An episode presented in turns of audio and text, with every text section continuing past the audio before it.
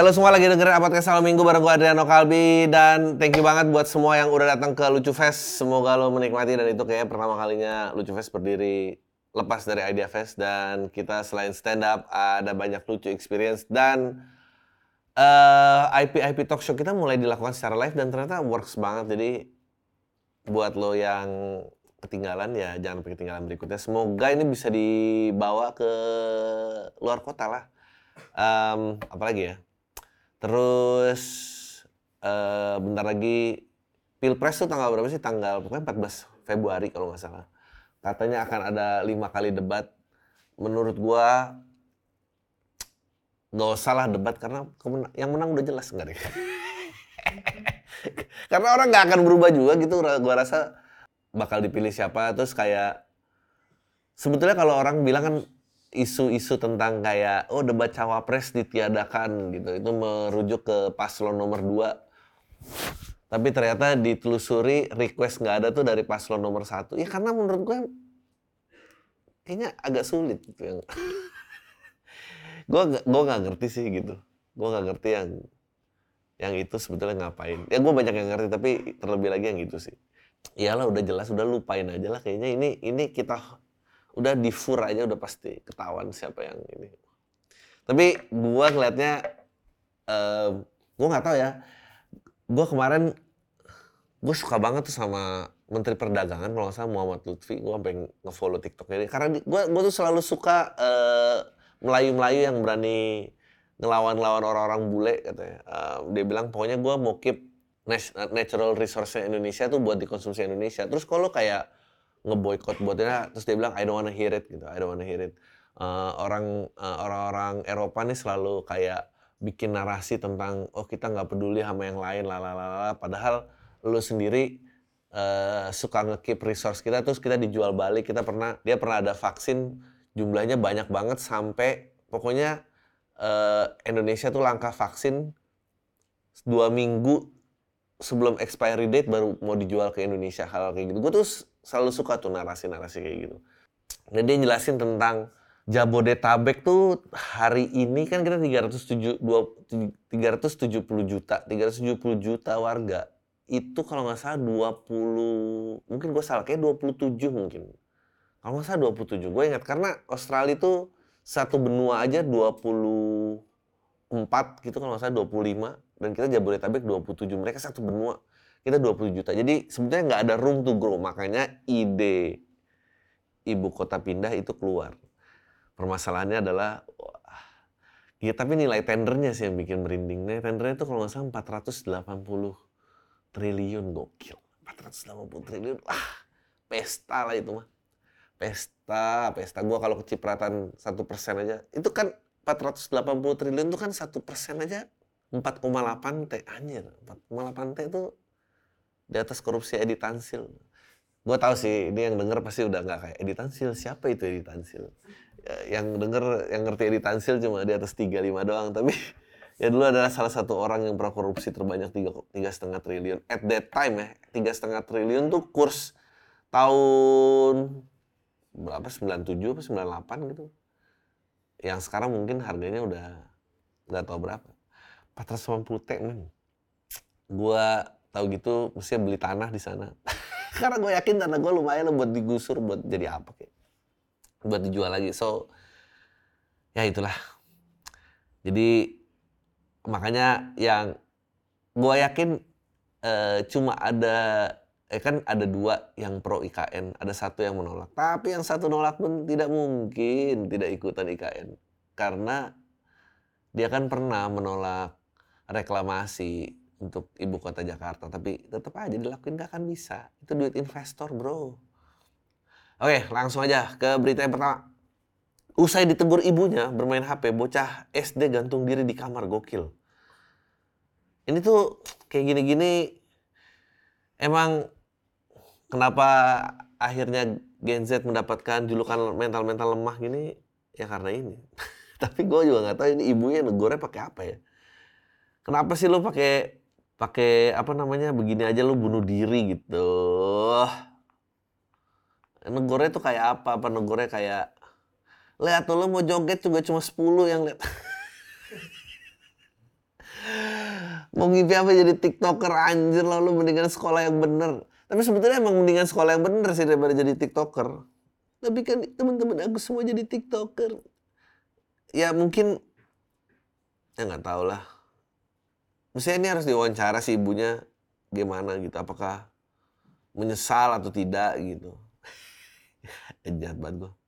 Wisnu Tama sebut Indonesia rugi karena kebanyakan youtuber dan tiktoker. Ya inilah emang kalau apa boomer-boomer energi ya katanya. Boomer-boomer energi. Gue berusaha keep up deh. Gue akan keep up dengan semua istilah yang melakukan dan gue akan melakukannya on point.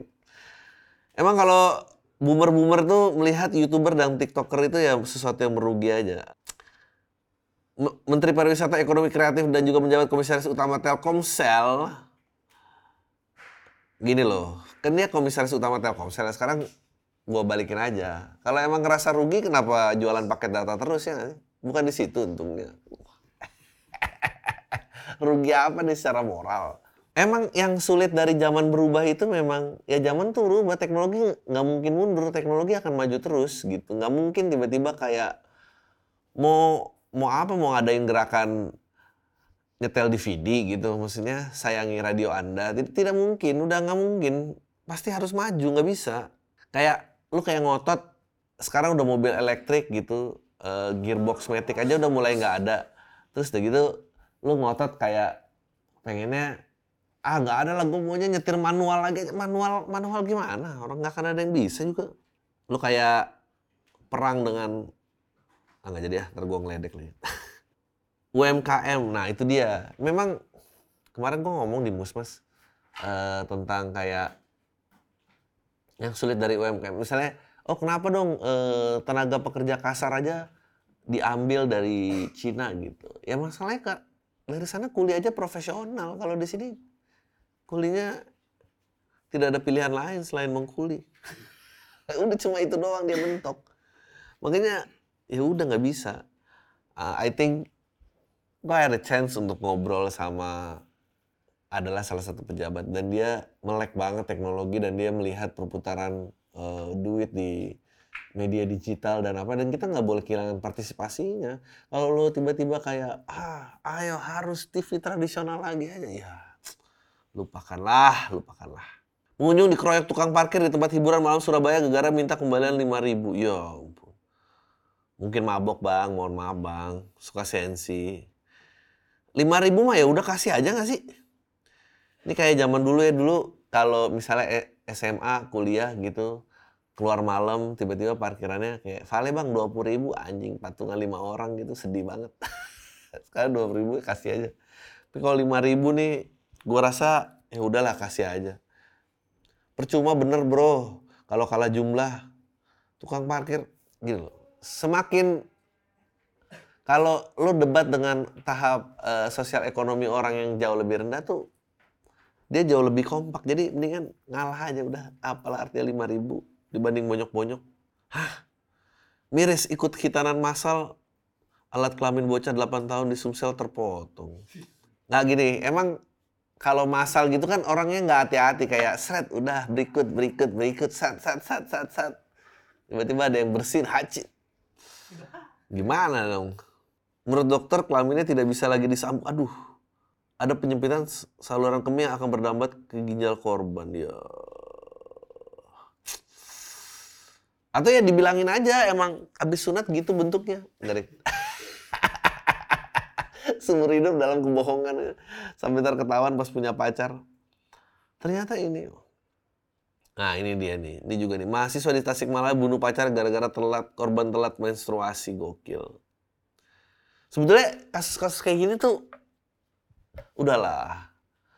Daripada internet nih cepat cuma buat nonton bokep doang, mendingan sosialisasi bagaimana cara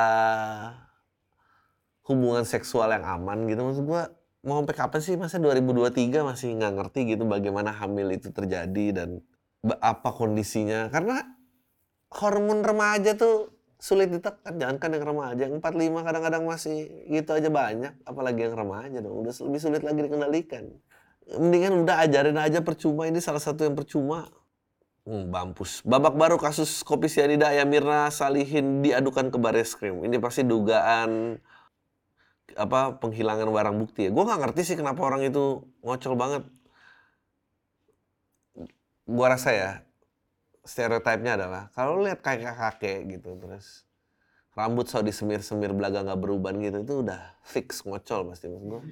Dia tuh denial gitu sama dirinya tuh sepertinya kayak apa. Ini kan udah diem aja nggak usah lah cari-cari istri muda memang karena kalau umur makin tua tuh kan ngerasa akhir udah dekat ya jadi kayak ah kapan lagi? Kalau ada yang muda mau sama gue ya udah kenapa? Dia udah nggak berpikir panjang lagi. Emang udah nggak bisa. Udah nggak bisa yang kayak gitu-gitu dikasih kekuasaan. Emang repot dia. Ngocol banget dia berasa udah. Gue tuh sebetulnya gue selalu penasaran apa sih yang diobrolin? Terutama bapak-bapak yang tua gitu masih sama cewek muda tuh apa, apa gitu yang diobrolin lagu lagu aku tahu juga itu lagunya dari TikTok kan yuk paling dia berusaha ngejar-ngejar yang kayak gitu tapi miss miss terus kan kalau di zaman aku nih dulu Iwake anjing Iwake udah lama juga bangsa Pengusir Rohingya mendarat di Sabang buang nasi pemberian warga. Ah, dunia beneran. Gue tuh, gue bener-bener sih, eh, Rohingya nih emang masalah nih. Kalau menurut gua udah tiga empat tempat yang ngebuang mereka, kayaknya yang salah mereka deh menurut gua. Emang udah nggak usah ditampung lagi, belayar-layar gitu, ya ampun. Dikasih makan bilang-bilang kurang, gue lihat tuh di TikTok nggak cukup nih nasi apa dan segala macam. Emang mungkin gua agak sedikit rasis ya, maksud gue uh, apa pun dari rumpun itu gue emang agak kurang percaya sih gitu. Kecuali dia udah dua generasi di sini oke okay lah gitu kayak produser-produser gitu gue masih paham. Tapi menurut gue emang kalau uh, tempat itu penduduknya tinggi, orangnya pasti jago-jago nipu karena persaingan berat bos. Kalau nggak nipu gimana mau unggul? Nah orang-orang ini nih yang terbuang dan survive yang Lu bayangin dari sekian banyak yang terapung itu nggak ada satupun yang bener-bener mau kayak guys jangan gini guys malu guys nggak ada semuanya seragam gitu brengsek brengsek. Viral seorang caleg pria ngasih nenek bingkisan habis difoto malah tuker yang lebih kecil. Hah? Viral di sebuah video memperlihatkan pria memberikan bingkisan untuk seorang nenek, tapi diambil lagi usai si pria memfotonya dengan digantikan lebih kecil. Oh, anjir, buat ini doang ya? Buat cari muka doang ya? parah diduga beri bantuan untuk nenek tapi diganti lebih kecil soal didokumentasi. Kena azab. Gara-gara ayam goreng suami tega ini ya istri. Nah ini ada apa nih coba. Kamu ingat siapa ayam goreng ini? apa emang saya udah bilang ayam kampung kenapa kamu ayam negeri lagi? Saat dapur pelaku lihat ayam tersebut belum digoreng karena masih direndam agar bumbunya meresap ya emosi. Ya lelaki harus belajar sih mengendalikan emosinya sih. Dia tidak bisa dia cuma gara-gara stres di kantor. Aku pusing di kantor tuh. Ayam aja nggak bisa ini. Oh. Oke lah, kita langsung aja ke apa namanya ke email-email yang udah dikirim. Lo kalau misalnya mau kirim email, kirim aja ke podcastalminggu@gmail.com. Uh, eh, gue akan baca random. Kalau bisa kasih subjek yang menarik. Jadi ya jadi gue mau baca. Oh, kalau Bang Adri bikin film, kesempatan bikin film dikasih kebebasan pilih aktor seluruh dunia, lo mau bikin film kayak apa Bang? Anjing.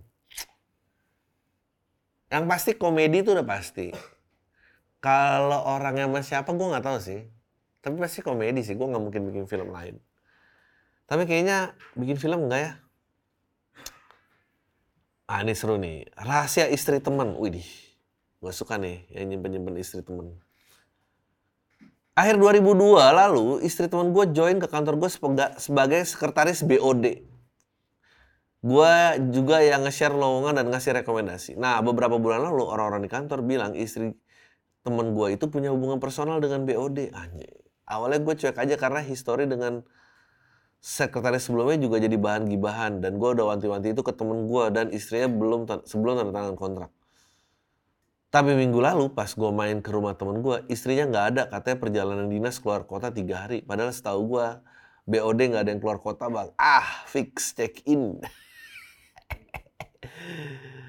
Tapi kok nggak pulang ke rumah? Dan istri teman gue tuh tiap hari masuk kantor kok tapi kok nggak pulang ke rumah. Gue jadi inget antara hari itu gue sempet pulang malam karena nunggu ganjil genap. Gue lihat si BOD dan istri teman gue itu pulang bareng bang. Gue curiga kayaknya emang bener deh kalau emang mereka ada hubungan personal. Menurut lo gue harus gimana bang? Ngasih tahu temen gue atau gimana bang? Uh, Obes Serikat Elsa lama banget bang di lucu flex kayaknya lucu kayaknya Desember deh misalnya keluar uh, lu harus gimana? Nggak, pertanyaan lu cek adalah temen lu itu nganggur apa nggak nganggur? Itu dulu. Ini kalau emang temen lu nganggur istrinya yang kerja, ya mendingan lu nasihatin temen lu, bro mendingan lu kerja deh bro. Daripada istri lu dibawa orang, kan gitu. Tapi kalau emang nganggur, ah itulah. Sulit. Jangan cuma belain temennya doang. Tapi ya, gimana dong? Baset nyokap meninggal pas ngerjain skripsi. Bang tahun 2002 kemarin 29 Oktober nyokap gue meninggal. Waktu itu gue sambil ngerjain skripsi bab 1 sampai jam 3 Sab, eh, bab 1 sampai 3 gue nggak semangat banget ngerjainnya sampai akhirnya gue sadar kalau tuh ujian buat gue sempet gue anggurin itu skripsi sekitar 2-3 bulan. Tapi pas gue anggurin gue langsung mikir anjir ini pasti kayaknya di film di mana main karakter dapat karakter development gue harus lebih tough dari sekarang.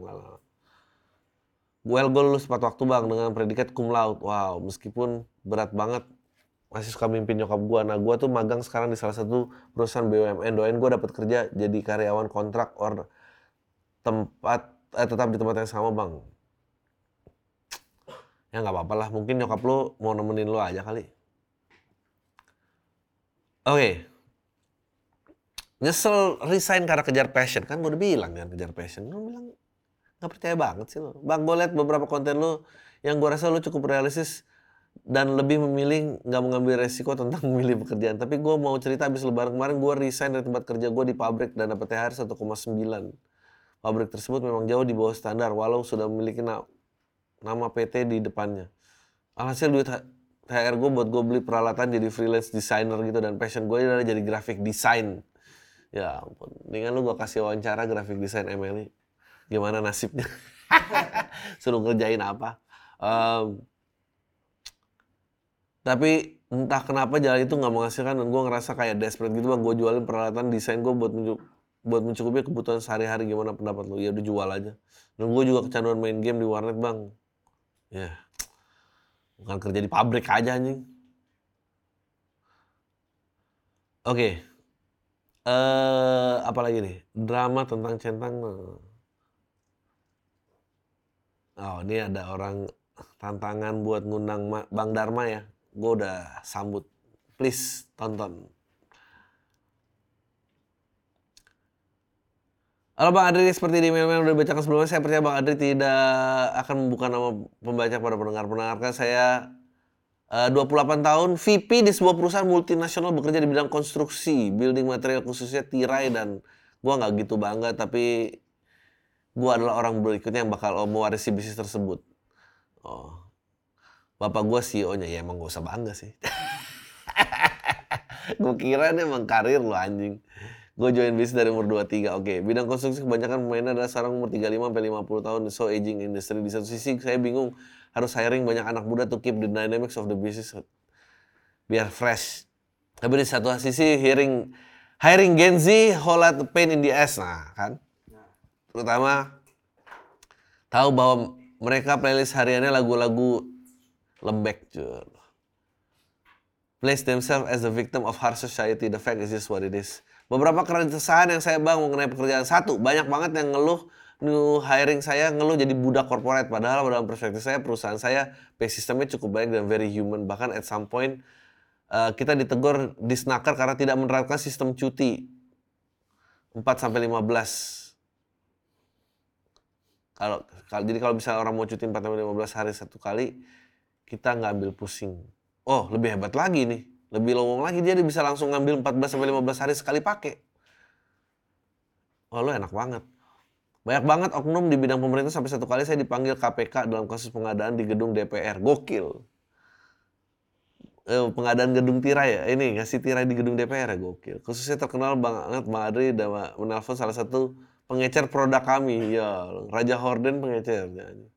Pengen banget cerita langsung untuk ketemu in person Mari untuk buka-bukaan soal ini. Saya rasa pasti bisa jadi konten A1 materi of air Bang Andri kalau teman-teman yang nanya. Saya nggak nyari solusi apa-apa. Emang Oh lucu ya? Oh ya, Natusa, eh, istri gue juga lagi hamil, anak kami tolong doakan agar selalu sehat. Eh, saya pernah ngeliat Bang Adi di Lucu Fest JCC, ternyata Bang Adi, ya, oke.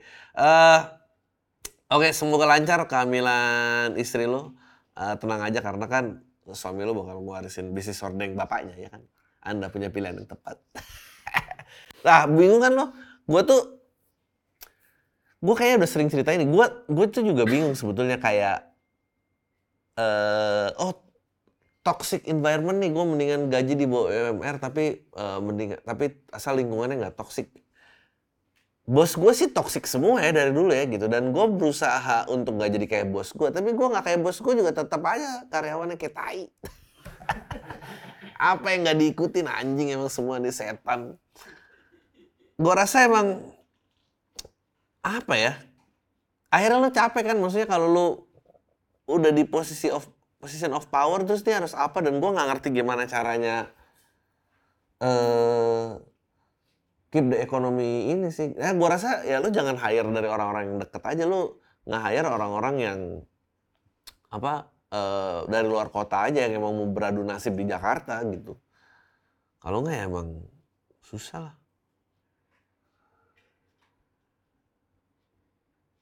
Gue mau cerita tentang minta pendapat tentang stereotip keluarga Chinese sebelumnya, yaitu CFB, C, Continue Father Business anjing. Gue umur 32, oh di Denpasar. Gue udah mulai bekerja di umur 20 tahun, hampir selesai D3, oh sejak hampir selesai D3 di perusahaan Denpasar juga. Sekarang gue sedang menyusun disertasi untuk S3, gila. Dan masih di perusahaan yang sama, di perusahaan sama. Ini gue merasa berkembang karena dapat kesempatan karir dan dapat gue juga meneruskan beasiswa dan kesempatan untuk belajar awal untuk masuk perusahaan ini. Ini adalah anak magang yang berlanjut jadi admin kontrak lalu menjadi sales. Sekarang baru naik jadi manajer area. Kondisi perusahaan ini sudah seperti keluarga sendiri karena suasananya begitu membangun. Oh ya sebelumnya gue berasal dari kota kecil di daerah Jawa Barat. Gue adalah anak bungsu satu-satunya, tiga bersaudara sejak kecil. Sebagai warga Indonesia keturunan Chinese, gue sangat sering mendapat perlakuan rasis baik dari lingkungan rumah maupun sekolah. Mungkin karena dari kecil sehingga sedikit sekali keragaman di sini. Oleh karena sejak kecil aku punya cita-cita untuk ke kota besar agar setidaknya keberagaman jadi sebuah kewajaran. Waktu KKN aku memberanikan diri eh, dengan berangkat dengan semua tabungan yang ada untuk pergi ke Bali dan hingga hari ini. Udah 32 tahun, oke. 12 tahun ya, wow. Sampai awal tahun 2023 semua ini berjalan begitu baik namun kabar buruk datang. Nyokap meninggal disebabkan kanker. Dan lu tahu kelanjutannya adalah gue diminta atau diperintah untuk kembali ke kota kelahiran gue untuk melanjutkan toko milik bokap. Sebagai catatan hubungan gue dan bokap itu sangat berjarak karena bokap gue itu galaknya bukan main. Pernah di suatu waktu gue ketahuan ngerokok, bokap gue melakukan tendangan tegak lurus ke arah mulut gue sampai berdarah, gokil. Emang stereotype Chinese banget ya. Enggak lagi. Uh, kungfu kungfu gitu. Uh, Momen pertama itu gue jadi mulai renggang. Jadi kesimpulannya dari pertama gue di Denpasar sedang nyicil rumah kecil. Cewek gue juga orang Karangasem dan rencananya kita tahun depan menikah. Jabatan gue sudah sulit didapat kota besar dan tidak rasa sampai. Apakah menurut Bang Ari harus tinggalin semua dan balik ke kota kelahiran gue? Tolong dijawab Bang. Ah, gimana ya? Tapi lu gini, lu 32 gue rasa tuh cukup sih, udah 12 tahun. Gue nggak bilang lu harus tinggalin semua, tapi kayaknya 32 kalau di jabatan lu sekarang. Gue tuh dulu juga ada kayak, ah ngapain terusin bisnis orang tua, dadidu, dadidu, dadidu. Tapi ternyata reaksi gue itu uh, takut yang menyamar aja gitu. Bahwa sebetulnya gue takut, tapi sosok dibungkus idealisme. Biasa lah, itu penyakit semua orang-orang idealis. Bahwa sebetulnya dia tuh takut. Uh, tapi bilangnya itu melanggar prinsip. Gue rasa kalau lu 32, lu bisa sih setup setup bisnis keluarga lo. Maksudnya kalau lo mau pegang karir lo dan setup bisnisnya uh, kan bokap udah tua dong, nggak mungkin tendangan bacagi lagi gitu kan tidak tidak mungkin dong. Jadi ini dan tebakan gue juga kayaknya sih lo kawin nih kawin lari ya kan sih. nggak mungkin ada ini kan gitu. Jadi kalau segitunya nggak mau balik nggak apa-apa juga. Tapi menurut gue secara hitung-hitungan dan aset, gue rasa lo bisa selamatin itu dari jauh deh maksudnya lu bisa uh, cari orang yang bisa nerusin atau ini gua rasa bisnis bokap lu apa kan pasti auto bisa dijadiin kan bisa ditargetin autopilot maksudnya lu gua rasa 2 3 tahun bisa tuh kayak lu bolak-balik bolak-balik tapi kalau udah habis itu nggak bisa ya ya udah mau gimana gitu punya saudara nggak? Masa cuma sendirian? Kayaknya lu pasti punya saudara nggak mungkin. Biasanya anjing gue bilang nggak mungkin dia tendang kalau lu anak satu-satunya. Pasti dia punya saudara biasanya. So ya itu jawaban gue. Coba aja jalan dua-duanya. Oke. Laki-laki nggak boleh nangis. Oke. Gue cuma mau bilang para lelaki di kolam tanya kalau laki-laki tuh boleh nangis. Tapi kayaknya nggak perlu direkam dan diupload ke medsos ya. Memang gak usah sih. Norak. Uh, drama centang harga ratusan juta. Perusahaan tempat gua bekerja ngimpor barang dari suatu negara for some odd fortunate unfortunate reason ada satu dokumen yang harusnya dicentang tick mark by negara, sistem negara tersebut tapi malah nggak kecentang. Kemudian petugas negara tersebut dicentang manual pakai bolpen. Nah, karena dicentang manual di sistem Indonesia nggak kebaca, akhirnya munculnya tagihan tambahan sekian ratus juta. Ya tentu kami keberatan tuh. Masa gara-gara tick mark doang jadi harus nambah bayar lagi. Tapi kalau kita nggak bayar, barang kita ketahan, ya udah akhirnya kita bayar dulu. Setelah itu kita koordinasi dengan agensi kita. Oke. Ini apa sih? Ah nggak seru nih, nggak ada check in nih. ah nggak tahu gua urusan perusahaan lo itu. Dipecat gara-gara punya grup WhatsApp yang nggak ada bosnya. Ya ampun, itu mah nasib jadi bos kali. Pasti nggak diundang ke grup WhatsApp dong. Uh, saya Gen Z umur 22 tahun, saya ngerantau dan kerja di perusahaan startup. Saya udah nyaman dengan lingkungan dan pekerjaan yang dark system itu anjing. Apa pun yang saya lakukan, ngelakuin kalau hal ini itu di luar job desk. Ngerangkap pekerjaan orang lain lembur yang nggak ngotak gitu. Semuanya damai-damai sampai si bos tahu kalau karyawannya punya grup sendiri yang isinya cuma koordinasi tim dan keluh kesah sebagaimana umumnya karyawan. Gak ada chat yang menjelekkan nama perusahaan atau individu kita mau masuk kerja malah dipulangkan atau disuruh diburu terus sampai sebulan dan kebetulan kontrak sisa sebulan itu. Nggak mau ditemuin, nggak ada obrolan ditanya, cuma intinya kalian sudah berus membuat perusahaan rugi besar. Tapi nggak jelas bagiannya. Anjing, baru dibayarkan 30% ngerasa itu nggak nggak fair. Gimana menurut Bang Apa emang Swahtal itu punya grup WhatsApp di luar grup perusahaan? Ya, itu bos lo aja baper anjir. Emang itu nasib jadi bos udahlah. Lu juga tapi kontrak kan ya lu agak berat sih jadi udahlah. Ah ini dia nih anak pondok yang sangean. Ini gue nulis setelah tahu sesuatu dari nggak tahu mau cerita sedikit. Profil gue tenangin gue umur 26 tahun hidup di lereng gunung Merapi radius 3 km. Aduh. Meskipun begitu, gue bekerja sebagai kontributor Shutterstock. Wah hebat juga ya. Adobe Stock dan Factizi. Pemasok utama di situ malah udah setara UMR Sulawesi Utara bahkan bisa lebih hidup di pegunungan. Oh ya ini pasif income. Sampingan sama foto dan dekorasi pernikahan. Gue mau cerita bang soal asrama. Di usia segini gue udah pengen nikah bang. Tapi Agustus kemarin orang tua tidak merestui padahal udah dua tahun pacaran. Saya sama mantan. Alasannya background ceweknya keluarga berantakan. Banyak yang dilihat lah di keluarga broken home, dililit tinta darat, benci ayah dan nenek percaya banget klinik-klinik mistis tanah dijual dan.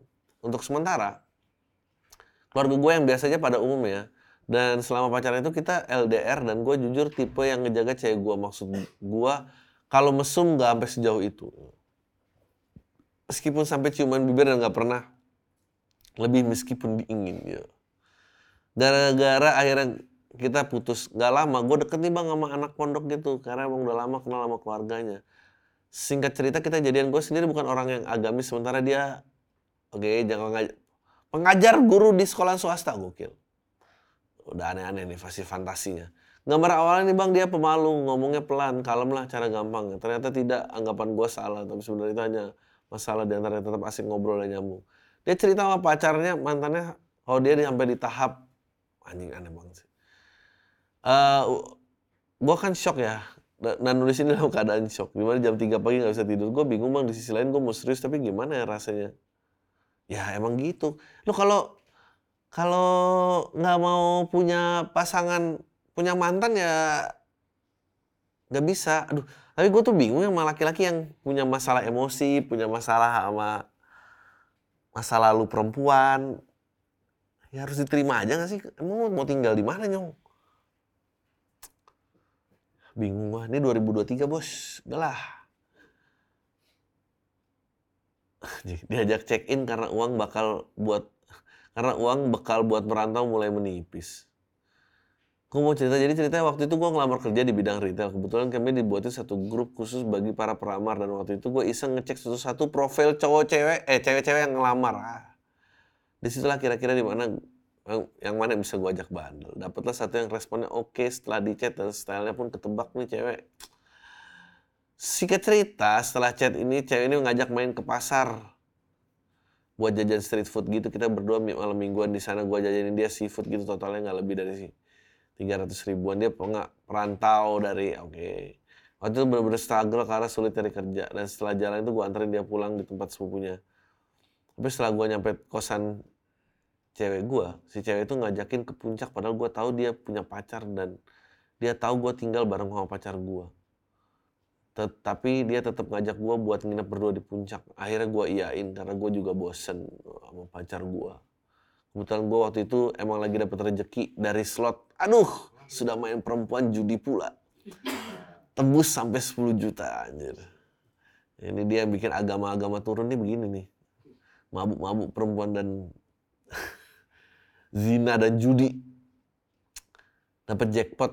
Akhirnya gue ajak ke puncak sama cewek semalam gue jajanin seafood anjing. Pas jalan outfitnya bener-bener bikin gue ilfil bang. Dia pakai atasan kemben warna putih dan kemeja hijau pucuk daun pisang dan selama celana kulot warna pink anjing. Gue malu banget bang.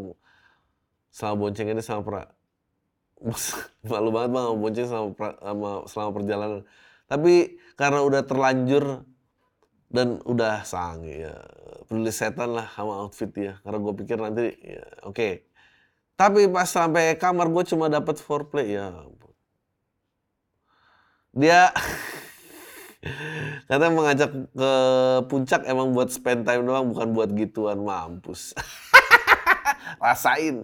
Dia emang lagi stres karena masih belum dapat kerjaan dan uang bekal merantau katanya udah makin menipis. Ya ampun.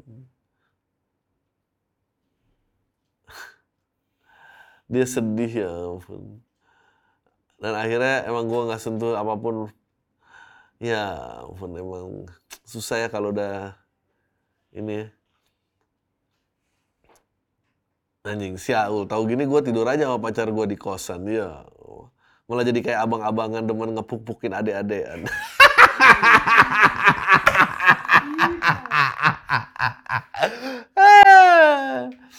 Emang sedih ya. Udah aja bang segitu aja ujungnya ceritanya anjir. Emang cowok tuh emang suka hidup dalam khayalan sendiri di kepala doang kayaknya udah mana padahal belum tentu orang tuh punya background. Sebetulnya sebetulnya yang sulit itu ya yang mahal ya sebetulnya dari ketemu orang tuh bukan oh dia cantik banget oh dia suka sama gue apa gini. Bukan tapi lu tuh satu frekuensi apa enggak satu reference gitu. Jadi kalau lu nyebut A dia tuh A gue tahu kalau dia bilang ke puncak oh dia tahu nih ke mana nih puncak gitu. Ngapain tuh lu melihat puncak dari kedalaman yang sama? Jangan satu buat curhat satu sange. Emang enak. Yaudah, itu aja dari gua. Tayo semua. Deh.